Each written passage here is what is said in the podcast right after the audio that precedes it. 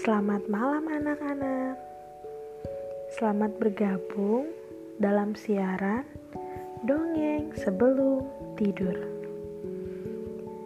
Sebelum mendengarkan dongeng, Ibu mau tanya, apakah anak-anak sudah gosok gigi? Wah, hebat, sudah gosok gigi. Bagi yang belum, jangan lupa untuk gosok gigi ya. Nah, sekarang waktunya kita untuk dongeng sebelum tidur.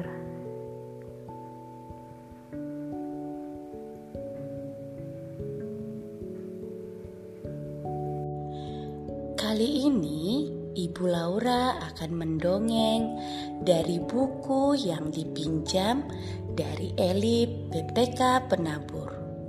Buku cerita karya Arlin A dan Viana Valentina dengan judul Caroline yang Baik Hati. Ada seekor landak bernama Caroline dia tinggal di tepi sungai kecil di sebuah hutan. Di dalam sebuah lubang kecil di pohon. Semua penghuni hutan sangat mengenal Caroline. Banyak yang berkunjung ke rumahnya. Saking banyaknya, mereka harus mengantri. Caroline memang landak yang sangat baik hati. Dia membantu anak-anak babi belajar matematika. Dia juga membantu anak anjing mandi. Dia merajut sweater untuk leher jerapah yang panjang. Dia juga membantu gajah menggaruk punggungnya. Dia memasakkan makanan untuk nenek burung hantu. Dia juga melerai kedua anak beruang yang sedang bertengkar. Bahkan sehabis hujan, singa selalu membutuhkan bantuannya. Hanya Caroline yang bisa menyisir surainya yang kusut. Namun, suatu hari Caroline tidak terlihat di mana-mana. Tidak ada yang tahu di mana landak yang baik hati itu berada. Mereka mencarinya ke semua tempat, bersama-sama menyusuri hutan. Akhirnya, mereka menemukannya di bawah sebuah pohon. Dia sedang berbaring di tanah sambil menangis. Caroline ternyata sedang sakit dan tidak dapat bergerak. Dia merasa bersalah karena tidak dapat membantu teman-temannya.